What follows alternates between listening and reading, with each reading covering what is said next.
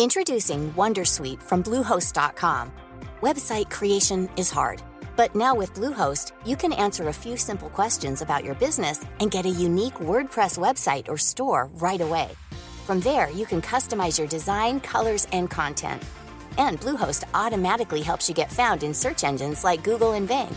From step-by-step guidance to suggested plugins, Bluehost makes WordPress wonderful for everyone. Go to bluehost.com/wondersuite.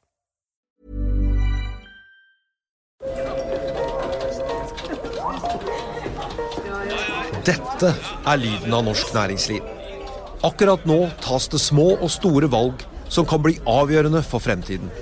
Med økonomisystemet X-Leger tas disse beslutningene basert på informasjon i sanntid, slik at drømmer og ambisjoner kan bli virkelighet. Få kontroll og oversikt, gå inn på xledger.no. Denne sendingen er sponset av Xleger.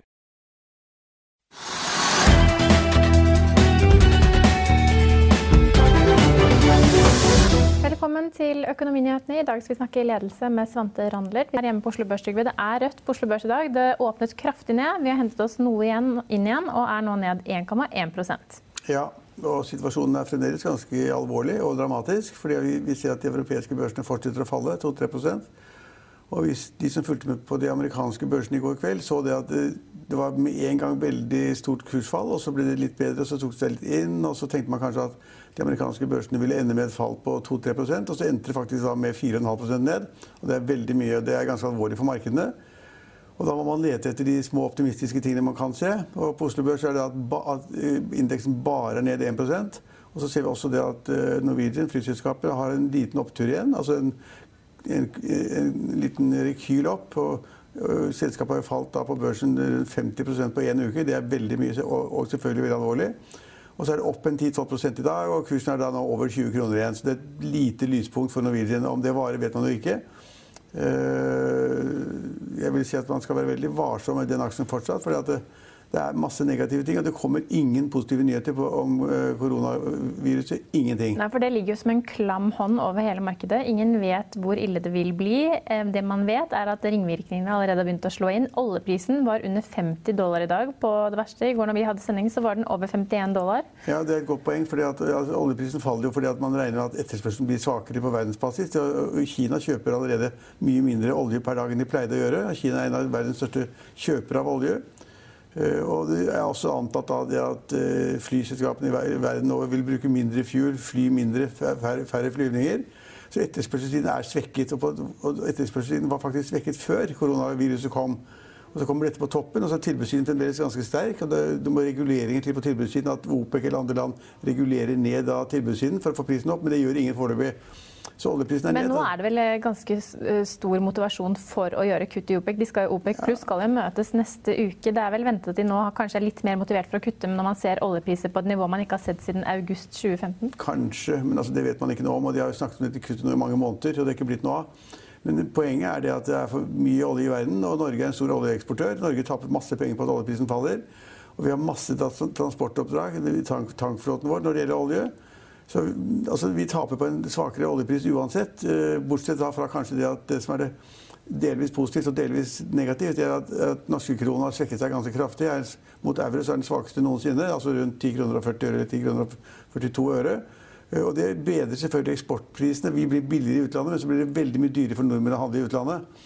Men det, det at kronekursen svekker såpass mye, henger ofte sammen med at oljeprisen stiger eller faller. Det er en korrelasjon si... mellom oljeprisen og kronekursen. Ta. Og ja, ta med at jeg klarte å si feil, for Oljeprisen er vel det svakeste på to og et halvt år. Det var ja. Oslo Børs som ikke hadde falt mer siden Men Oljeprisen er, har vært under 50 dollar fatet. Det er riktig, og så har den gått litt opp igjen. Den har falt i, altså, I løpet av et par uker så har oljeprisen falt fra 89 til 88 dollar per fat. Og det er en veldig svak utvikling for oljeprisen. Og det er ingen bedring i det, for hvis verdensøkonomien blir svakere, veksten blir svakere, og hvis flere og flere land, enten det er Kina eller Italia eller nye land, lukker inne ting, har mindre aktivitet Vi klarer ikke å selge laksen vår til Kina. Vi klarer ikke å selge laksen vår til andre land, for det er, færre, det er, det er få fly.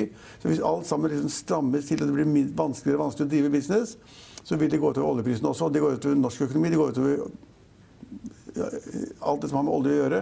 Så det er, det er, veldig negativt. Og i resten av verden så er børsene ned fordi man ikke ser noen utgang på at det er ingen som har noen vaksine mot uh, denne uh, kuren, eller altså viruset. Man ikke, man har ikke noen vaksine mot det og man ikke klart å stoppe det, og utbredelsen fortsetter. slik at det er, det er, i og for seg bare negative ting på, Oslo, på børsen i dag, men litt svakere fall enn det var i går. Ja, og Flere tilfeller er avdekket da i Norge siden vi snakket sammen i går, og i Sverige siden vi snakket sammen i går, og, og antall smittede bare øker. Men sammenlignet med f.eks. andre europeiske land, så har jo Norge nesten flere tilfeller per innbygger enn, enn mange av de andre store europeiske landene. Det er kanskje riktig. Men det er jo, men det er jo altså ett tilfelle i Tromsø, og så er det da noen som blir tatt tester på i Oslo. Det er ikke veldig Tre mye. som har fått påvist korona. I ja, Oslo i og Bærum. Oslo og Bærum. Ja. ja. Fire tilfeller i Norge. Ja. Men vi kan jo ta med at det, i lys av det som har skjedd den siste uken, så er det jo da ni aksjer på Oslo Børs som har falt mer enn 40 Nordic Nanovekter, Norwegian som har snakket om, PC Biotech, eh, Polite. Idex, Biometrics, Quantafuel, Fotokur, Axis, Geosolutions, Bergen Bio, Nordic Mining. Og flere av disse selskapene er jo legemiddelselskaper. Er, hva, kan man lese den ut av det? De har jo også levert tall og, og, kommet med skuffelser på bl.a. Nordic Nanovekter. Faller ja, er jo dagens taperaksje. Men det kommer, ja, det er kommet med negative ting. Da. Altså, kursen har vært blåst litt opp. Er, altså, de som driver farmasi og legemidler, det er ofte slik at de blir blåst opp i påvente av at man har gode tester, kommer nye eksperimenter, det er et eller annet som liksom får kursen til å stige. Og hvis du får dårlige tider, sånn som nå, hvor kursen generelt overfaller, så slår det også ut for de aksjene som har vært blåst opp litt kunstig. Så det er en av forklaringene på det. Ja, men, men sånn som uh, Nordic Nanovictor, som var gårsdagens taperaksje, de, de, har vel også kommet med at de ikke klarer å rekruttere nok pasienter, som gjør at de ja. ikke ligger i, i lineup for å nå målet sitt for 2020. Pasienter. Ja, og det, det, må de ha for å få gjennomført paradigmestudien sin. Ja, Men de får iallfall ikke gjort det de skal. Og så mangler de penger. De må kanskje ha en emisjon. Og så tapte de veldig mye penger i fjor. Så det er forklaringen på at de faller. Men la meg hoppe til en annen aksje som jeg har snakket mye om. De, Bore Drilling? De, ja, de som faller mest, er jo Borre Drilling. Som har vært under 20 kroner i dag. Det er en katastrofe for selskapet. De har masse gjeld, masse rigger som ligger i opplag, ikke har inntekter i det hele tatt. Og man vet jo ikke hva, altså Oljeselskapene de vil jo ikke bruke veldig mye penger, ekstra mye penger på å bore og lete etter olje for tiden. Det er liksom en sånn negativ sentiment mot olje og gass. Så det, Man må anta da at oljeselskapene bruker mindre penger på å lete enn før. Og så sitter da Borr med kjempeflåte med nye rigger, dypvannsrigger, som de ikke har noe å gjøre for. og det, Kursen faller og faller og faller, og det er katastrofe. og og eh, det er sikkert da ganske plagsomt for hovedaksjen Torograd Trøim at den kursen faller så, såpass mye. Men, og så har vi, har vi en annen, et annet selskap. Hunter Group? Nei, ja, Nei skal vi ta, bare sveipe forbi Hunter Group, siden jeg sa det. Sol, sol, ja, De er jo nest øverst, eller de, de er øverst fem, ned 17,5 ja, på tapplisten. Og det, eh, det er fordi at de også ligger elendig an. De har en kjempestor andel av flåten ligger i opplag. De har ikke inntekter. Og det er da Røkke og Fredriksen som etter en forsjoner og sammenslåing av masse selskaper tatt har tatt kontroll med det selskapet. Og de har negativ egenkapital, og det er en krise. Det har vi snakket om i et halvt år, et år. Hvor de da på en måte gjorde noe stort og skulle få til, men har ikke fått det til. Fordi at etterspørselen etter bruken av disse supply-skrivene er så lav at de får ikke i gang. Og før de riggene kommer ut i markedet, så rotter de opp. De, ikke sier ikke at de smuldrer opp, men de ruster opp. Eh, så det er veldig negativt. Og da når oljeprisen faller, så faller disse aksjene enda mer enn andre. For de er da veldig korrelert med oljeprisen, både Solstad og Borr. Ja, De rustner, for de ruster vel ikke opp Nei, de, de, de i, i, havkanten der. Um, Hunter Group la frem tall i dag, fikk et overskudd eller, eh, på 16 millioner dollar. De mener at kollapsen etter koronaviruset vil være kortvarig. Ja, men det har de ikke peiling på. Så det synes jeg er veldig dårlig lederskap å snakke om i det hele tatt. Det har de ikke peiling på. altså Arne Fredli og de andre i ledelsen vet ikke noe mer om det viruset enn det du og jeg gjør. Altså, det vil si at Du er verdensmester i forhold til Arne Fredli, sannsynligvis. For han er opptatt av helt andre ting. Og det er helt riktig at selskapet, som er et nytt tankselskap, kom da med ålreit tall, litt mer enn i fjor, men det er nesten ikke omsetning. Det er et bitte lite selskap. Eh, og de eh, skal også få da kanskje fire-fem-seks nye tankskip levert i løpet av 22 og 23. Og det gjenstår å se da om de tar de skipene i det hele tatt, eller om de prøver å finansiere løsninger og bli kvitt dem. Men, men, det, men, det, er en spekk i tankmarkedet, og tankmarkedet er ikke noe verre nå. Ja, og Kepler Chevrolet nedgraderer Sideril fra kjøp til salg, og kursmålet nedjusteres fra 30 til 5 kroner. Det er ikke første gang vi hører om kursmål på den størrelsesordenen for Sider. Nei, altså I mine regnestykker så er det null. Så, så, det er kjempepositivt hvis de tror at det er 5 kroner per aksje. Det er nærmere null. Egenkapitalen er borte. Og det er en sånn lang prosess med reforhandlinger og restrukturering av gjelden.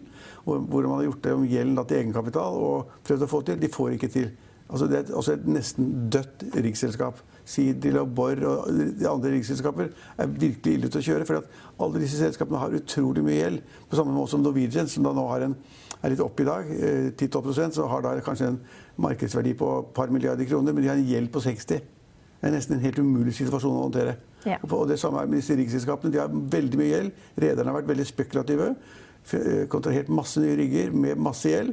Og så har ikke egenkapital når det går dårlig. Et lite sidespor som er positivt for Vistin Pharma. De økte inntektene med 40 og aksjen stiger 12 i dag. Det er, det er, jeg glad for. at det er noe positivt. Det er veldig glad for. Men noe annet positivt, bare en uh, sluttkommentar til det at vi ser at befolkningsveksten i Oslo øker, og øker mer enn man hadde trodd. Og nå venter mange at det kommer en boligprisgalopp. Ja, nå var det positivt eller negativt? Det var litt, litt komplisert. Jeg så det at det kom Altså For folk som eier bolig i Oslo, så kan ja, man ikke si det er nødvendigvis negativt. Man kjøper vel og selger i samme marked? Ja, nei, men det, det er ja og nei. Det er både og. fordi at det kom nye tall for befolkningsveksten i landet som var så forventet, men så var det mye sterkere vekst i Oslo enn eh, man hadde regnet med. De siste årene så har det, nå er, Dette er ikke mitt spesialområde, men de siste årene så har befolkningsveksten i Oslo vært 5 000-7000, og så var det nå 10 000 12 000 13 000-14 000. Hvis disse menneskene skal ha et sted å bo, så blir det jo litt press i boligmarkedet. Og så er det da veldig lav igangsetting av nye boliger i Oslo. Uh, nye, lavere kontrakter, lavere salg, lavere planer, la, uh, dårlig regulering.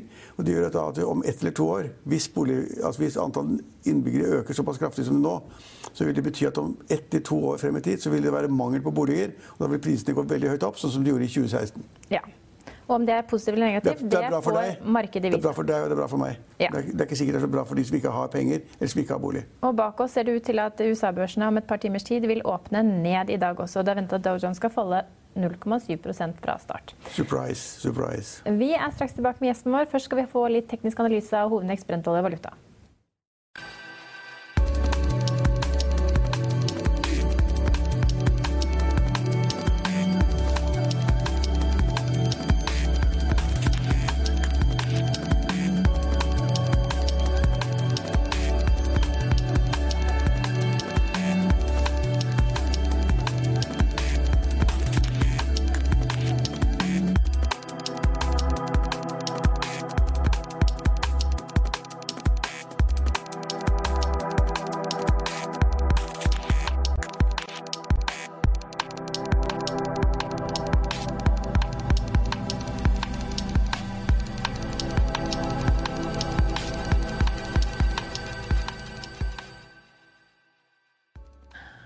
Vi tilbake og fått med oss den svenske eksperten på lederskap, Svante Randlert, i studio. Velkommen til oss. Ja, men, takk så mye for å komme. Jeg er kjempeglad. Du er jo bokaktuell med din nye bok 'Drømmeledelse'. Ja, Og derfor har du tatt turen til Norge. Men litt for eh, oss og våre seere som ikke kjenner deg. Hvem er du, og hvorfor kan du så mye om lederskap? Ja, Kjempebra spørsmål. Hvem man er. Sådär. Nej, men jeg eh, har jobbet mye med lederskap eh, de i alle fall 15 seneste årene. Jeg har vært med i et foretak som gikk fra 1 til 4 milliarder på 10 års sikt.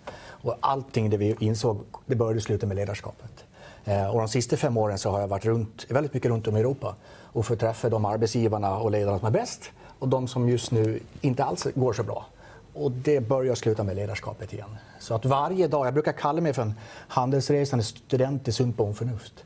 Så jeg får treffe bolag og ledere som gjør veldig mye bra saker, og jeg får også se de som har veldig tøft just nå. Og det er kontentan i boken. Ja, for at I drømmeledelse så, så tar du for deg liksom lederskapet som det bør, og helst man bør strive to be. Eh, hva er nøkkelen? Ja, men egentlig, vi, vi kan jo prate økonomi eh, utifrån det her eh, programmet i. Jeg ser på et antall nøkkeltall som er viktige i dag. Vi tittar Mange vil øke sin omsetning, mange vil øke sin marknadsandel, mange vil øke sin vinst. Man ser på et antall saker i Europa just nå. Tyvärr har vi all time high på personalansättning. Eh, sjukfrånvaro er veldig mye høyere nu enn tidligere. Alle studier tittar på at det er bra ledarskap, da har vi oppå der. Der vi har dåligt ledarskap, da har vi ned. Da er det folk som lämnar oss. högre høyere sjukfrånvaro og framfor alt så får vi ikke til försäljningen. Så att börja sluta med ledarskapet igjen. Ja, men, men lederskap og lederskap, altså, jeg vært så vidt men altså, Du snakker veldig mye om, så vidt jeg har forstått, eh, jeg har ikke lest boken, jeg har bare fått referert litt, men om liksom, de myke tingene og miljø og kultur og varme og forståelse og kjærlighet og sånn i lederskapet. Ja. Men er det ikke, er det ikke slik at de tidene vi er inne i nå, da, som er ganske røffe Du så hva vi snakket om på børs osv. Altså, folk over hele verden mister sine penger, og selskapene går rett ned, og de klarer ikke å skaffe penger. Altså, veldig mye negativt. Ja. Er ikke det godt lederskap alt man er hard og klar og sier at sånn skal det være, og halvparten av folkene skal bort, og vi må legge ned fabrikken her og legge ned fabrikken der, og vi må redde det som reddes kan. Og da kan man jo ikke være så veldig soft. Nei, ikke soft. Va? Men ting vi ser på i urolige tider, någonstans det syns vi borde bli bedre på, det er en gang for tydelighet skaper trygghet. Och i dårlige tider så blir det väldigt mycket otydligt Men det er ikke så lett å si, skaffe folk trygghet hvis du må sparke halvparten. Ja, men, exakt, så egentligen, det kommer ner till existensberättigande. Har jag ens ett jobb imorgon? Om man tittar på vissa branscher som till och med kommer att automatiseras ganska hårt just nu. Om man tittar i Sverige, någonstans 5 miljoner jobb i Sverige. 2,5 miljoner jobb kommer att automatiseras.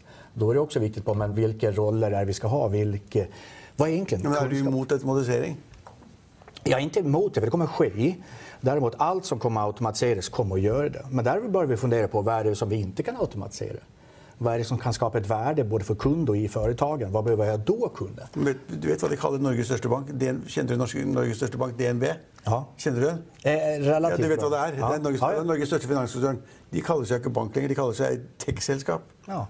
Fordi at, fordi at folkene skal vekk. Ja. Og hvis du ringer opp og spør om kontonummer, så får du ikke greie på å sitte en annen datamaskin som svarer. ikke sant? Og Ja, skjønner ingenting. Og, og det, så det er data, data og rasjonalisering og menneskene vekk. Ja, men det kommer å skape nye roller. Jag vet till exempel Ja, en, absolut. en bank i Sverige som just nu letar robotskötare.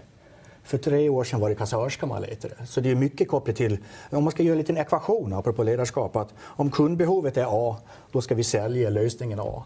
Nu är kundbehoven B i väldigt många företag. Då måste vi anpassa att vi börjar lösa B. Men då är den relevanta tredje frågan, vad kan vi idag? Vad är vår kompetens?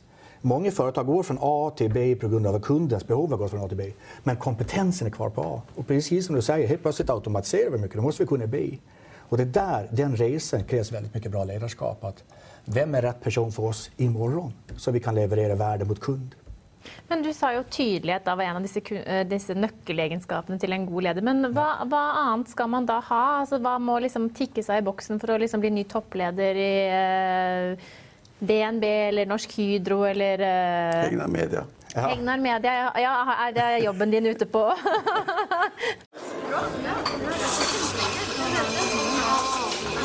Dette er lyden av norsk næringsliv.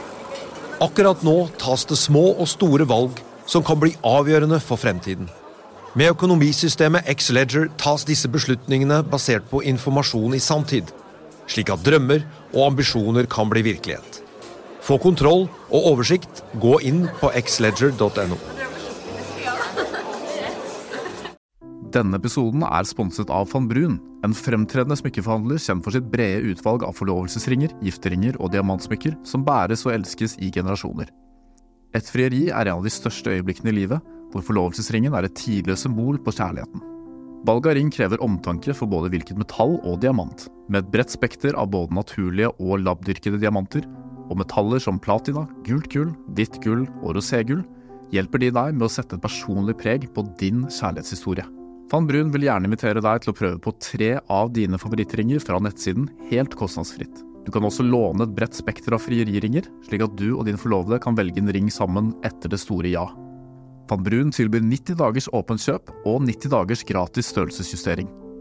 Utforsk deres eksklusive sortiment i luksuriøse omgivelser. Bok en konsultasjon sammen med en diamantekspert i deres showroom i Oslo. Eller online på vanbrun.com. V-a-n-b-r-u-u-n.com. Anbud? Ja, men jag, jag börjar ganska offensivt. I första meningen i boken egentligen två meningar. Det första är om du tror att du har medarbetare som enbart jobbar för dig som chef, då är det nog dags att stänga den boken. Vi jobbar som ledare för att utveckla andra människor, för det är tillsammans vi ska göra det. Och det andra är just det att vi måste sluta där. Vi har haft det tio år nu att man har tittat på vem är man? Man har gjort personlighetstester. Man är röd, blå, gul eller grön. Man är introvert, extrovert. Eller kring ledarskap, det är väldigt mycket som den lärde. Så här är det. Men det är inte det vi gör. Så det er väldigt mycket fokus på nu vad är det vi ska göra. Och den boken har jag försökt att skriva nu. Vad är det vi behöver göra under det här årtiondet vi har nu? For vi lämnar ett årtionde där det meste er omskakat. Vi prater på Men skal, skal, skal vi lese boken din, skal vi være snillere? Skal jeg som sjef være snillere? Om du skal være snillere? Ja, snillere heter det. Snillere. Ja, men jeg, jeg er jo ganske... Jeg har inntrykk at du mener at du skal egentlig være litt snillere. Egentligen om man tittar på mycket handlar om att få följare. Ledarskap för att få följare imorgon. Och någonstans när man tittar på, för när jag är i Sydeuropa tittar man mycket på det skandinaviska ledarskapet nu. Eh, väldigt mycket frågar vi om pratar Sverige. Jeg tenker du at ikke vi er så hierarkisk? At vi er mer sånn flat struktur, kort vei mellom blir? Er det liksom løsningen? Vi blir plattare och plattare, absolut. Ja. Och jag tittar egentligen på det. Det är mycket vi har i skandinaviska ledarskapet som Sydeuropa tittar på och önskar. Det kommer egentligen ner till tre saker för att få följarskap. Det första är ju självklart förtroende. Och förtroende är någonting vi förtjänar. Det är inte någonting vi kan säga utan gäller att få. Det andra är altruism och det tredje är välvilja. När vi kan lyckas med det, någonstans är det att man följer en ledare och tillsammans ska vi skapa. Så att det jag tittar mycket på under kommande årtiondet, ja, men det är ju bäst lag vinner. Jag tycker vi pratar alldeles för mycket om två ord just nu. Det är organisation redesign och war of talent. Herregud vad vi pratar om talangkrig och vi ska göra om all design på bolaget. Hur skapar vi det bästa laget? För det är tillsammans vi ska skapa den uppgiften vi behöver göra. Så mye mycket är skapa ett starkt lag. Ja, Det er åpenbart at hvis man har en eh, god leder, så er man også et sterkere lag. Men, men hva er det som typisk er, eh, er de største utfordringene for eh, ledere i dag? Eh, Utmaningar? Ja. Jag ville bara så att man svarar Altså, jeg på kan det. svorske meg til, men det Nei, blir låtende Du bor jo halve uken i Sverige. Ja, er- ja, ja. ja, ja. Jag tycker vi förstår varandra ganska bra. Jeg Jag hoppas jag svarar på dina Ja, ja. frågor. Nej, men jag brukar säga att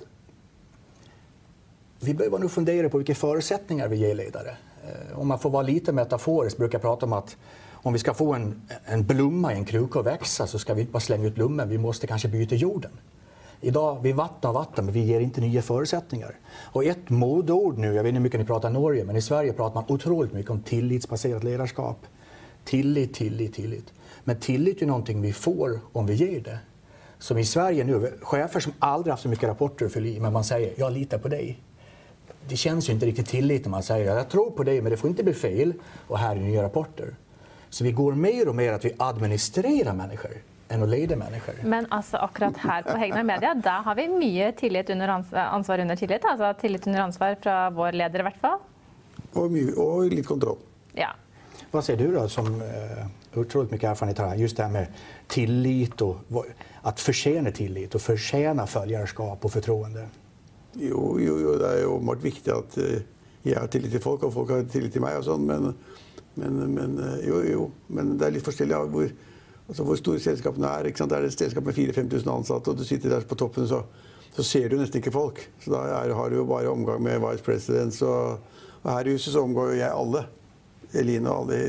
Det er 150 stykker rundt og løper rundt der alle sammen. Ja. Det, og hvis de ikke er på så er jeg fornavn med de som jobber i kantinen, ikke- i resepsjonen og de som vasker oss. og alt. Det er jo et, vi er jo ikke verdens største selskap, men vi er, du har jo fortsatt 150-170 ansatte totalt. Er det så mange, ja? Ja, er det ikke det, da? Ja. Jo, det er sikkert. 170 på lønningslisten ja. i media. Och någonstans beskriver hon det är hur vi tillsammans skapar det laget. Eh, Jag vill utmana, vi pratar mycket om i Sverige att antingen är laget före jaget eller jaget före ett lag. Jag, vill, jag har haft väldigt mycket intervjuer med förbundskaptener i boken. Jag för laget. Hur får vi människor som känner ett jaget för laget? Det jag ser mer och mer, det är jaget före laget. Ja, men det, det, det poenget ser jeg jo. Altså, altså, det er samme du jobber i et, et mediehus og du har en redaksjon i Finansavisen, da, som er vår avis. Visst. Eh, altså, hvis ikke vi er et godt lag, så går det ikke. For Hvis jeg er god, eller en til er to er gode, så det går ikke. Nei. Fordi det, vi skal ha 40 stykker som skal være gode hver dag, ellers så syns folk at avisen er noe skit. Ja. Og da kjøper de den ikke. Så, så, så vi, altså, en redaksjon er jo det største lagsamspillet man har. For det hjelper ikke med to gode. Det hjelper, det hjelper ikke med 17 gode heller. Man har 14 gode, og de må jobbe sammen hver dag. Og det der sammen tycker jeg er ganske interessant. For det man gjør, om man tittar mye på idrotten, vi kan ta et fotballag. Vi har målvakt, vi har backar, mittfältare och forwards. Just det där att det är laget som vinner. Men det jag ser i näringslivet nu, det har aldrig varit så mycket stuprör. Silos, stuprör och egentligen hierarkier. Och det skapar egentligen en sak just, det skapar att vi blir långsamma. Så allt runt omkring oss, vi tittar på skärmarna, det går fortare, fortare, fortare. Men när jag frågar, jag gör 170 föredrag per år just nu. Och så ställer jag frågan. 140 foredrag. 170. 170, ja. Og du får godt betalt for hvert eneste et. Ja. Jeg, jeg mår bra. Det er- Jeg mår bra. Det er en bra virksomhet. Det er, Ja. ikke, bare, det er, ikke, bare, det er ikke bare å hjelpe folk og livet. Det er, det er, en god, det er en god, godt Ja, foretak. men også. den, bästa God business. den bästa två världar. Men det, jag ställer frågan på de här 170 föredragen. Räck upp handen om ni upplever att ni är snabbare som organisation idag kontra tre år tillbaka. Och av 170 föredrag så är det bara 10 som räcker upp handen. Som, er, som er raskere. Som tycker de er raskere. Så vi tycker att vi blir långsammare og långsammare Oi, som ja, det er ikke her, i hvert fall. Nei, her går det raskt i Kanskje skal fråga deg. Ja. men, men, du har jo også en podkast Ja. som heter Sjefsnakk. Og Ja. der vet vi at du har hatt flere veldig kjente næringslivsprofiler inne. Bl.a. en veldig folkeskjær norsk næringslivsprofil, Ja. Petter Stordalen. Og her sitter, vi kjenner jo godt til Petter Stordalen her i studio. Hva, hva, har du liksom fått inntrykk av hva som skiller, om det er noen skilnader mellom norske og svenske toppledere? Ja, nå har jeg bare hatt en norsk, eh, og det kanskje er litt... eh, Men det er en veldig norsk, da. Veldig entusiastisk ja, og var, energisk. Ja. Pet- Petter var med. Han er ikke norsk. Han er jo sånn Svorsk? Nei, men det, Han flyter ut overalt. Han er ikke en typisk norsk leder. Nei, men han er en fargerik og energisk leder. Absolutt. Han er, ikke, han er ikke en typisk norsk leder. Langt derifra. det jeg tykker eh, Petter er veldig duktig på. Jeg, I min podcast har jeg også hatt Simon Sinek, den världskände rådgivaren i verden. Og han sier egentlig en bra sak at ingen kommer egentligen bry sig om et bolag om inte vi bryr oss om dem i bolaget. Och det er väl vad jeg opplever Petter er veldig duktig på. Att ta hand om människorna. Och når människor växer, då växer en organisation.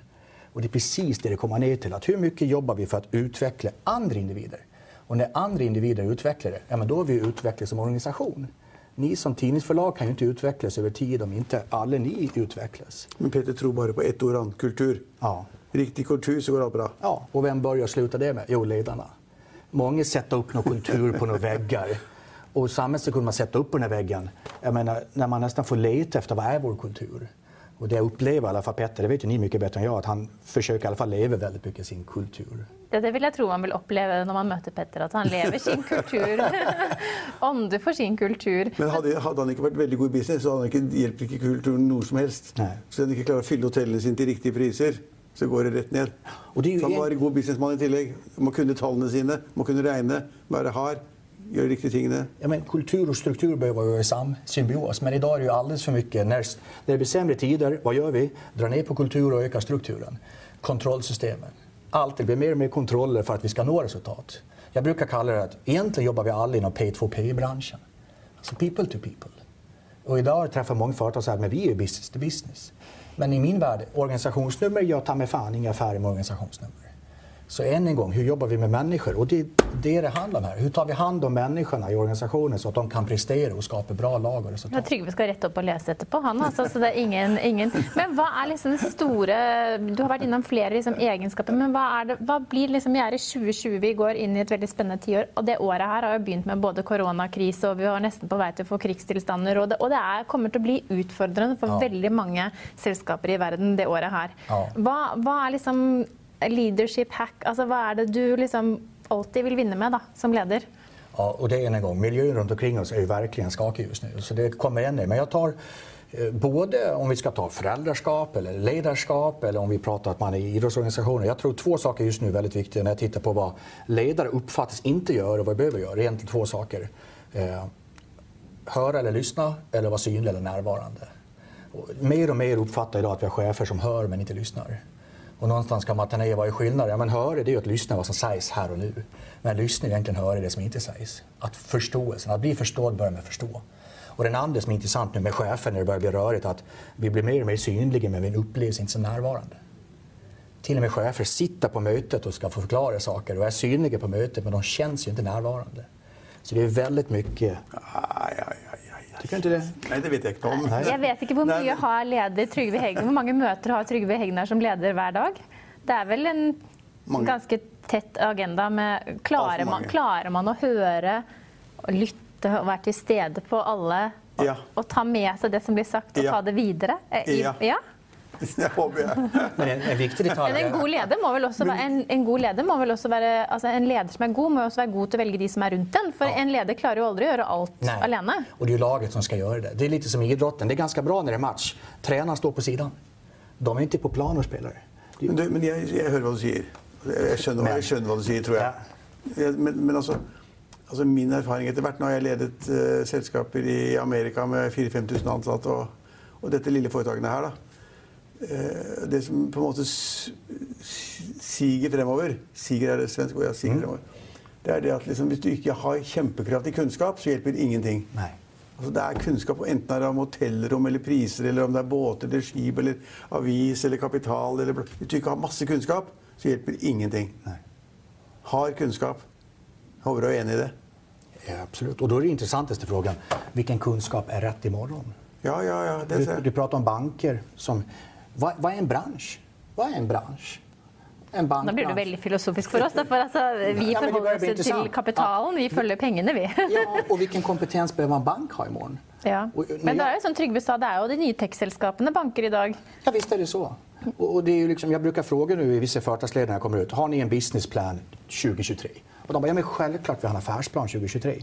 Og da sender jeg alltid tilbake, takk du, ge meg din people plan 2023. Vilken kompetens är det vi behöver ha om tre år? Då får jag en av tio. Så vi har stenkoll på hur vi ska sälja och vad vi ska sälja. Men vem är rätt för oss imorgon och hur kan vi leda dem och utveckla dem dit? Kompetens, det är ju, det är ju humankapitalet vi har i bolaget. Men tänk om vi har massa ansatte som har kunnskap A fast vi behöver kunne B om ett tag. Ja, man må ut og hente de beste talentene. Og det, og det er jo klart at kampen om de beste er jo veldig tøff der ute. For alle vil jo være rigget for det som skal skje om neste år og neste år der igjen og ti år frem i tid. Visst. Eh, og der hjelper det ikke bare å komme sikkert med de feteste lønningene. Der må man også tilby mer eh, Ja. Noe mer. Og, men jeg vil også slå et slag på de ansatte man faktisk har. Hvordan kan vi utvikle dem?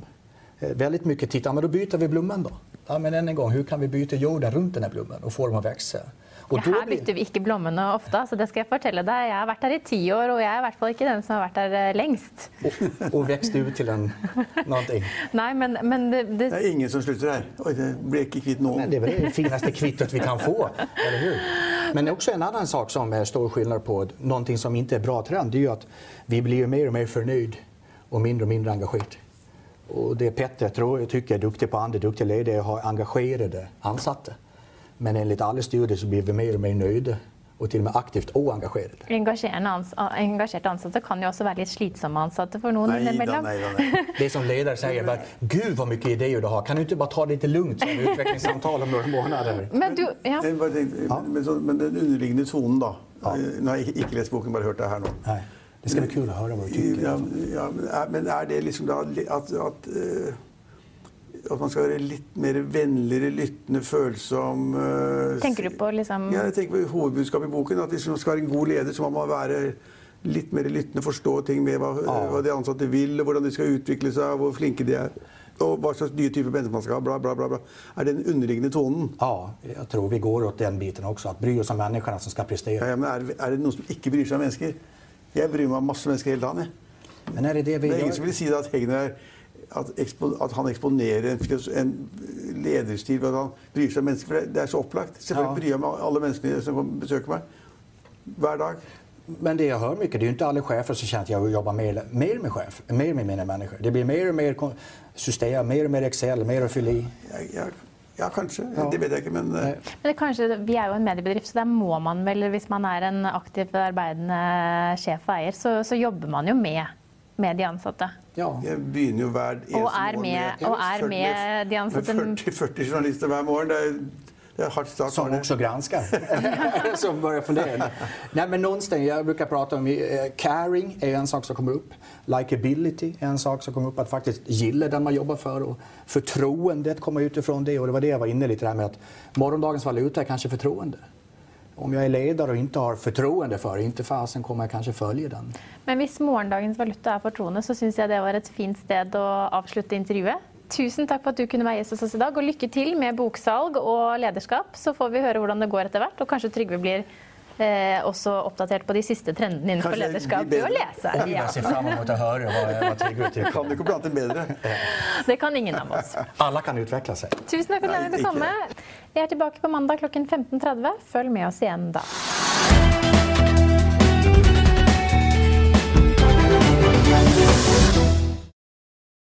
Denne sendingen er sponset av Xleger. Økonominyhetene er en podkast og videoproduksjon fra Finansavisen. Programleder er Marius Lorentzen. Aksjekommentator er Karl Johan Molnes. Produsent er Bashar Johar. Podkast- og videoansvarlig er Marius Mørk Larsen. Og ansvarlig redaktør er Trygve Hegnar.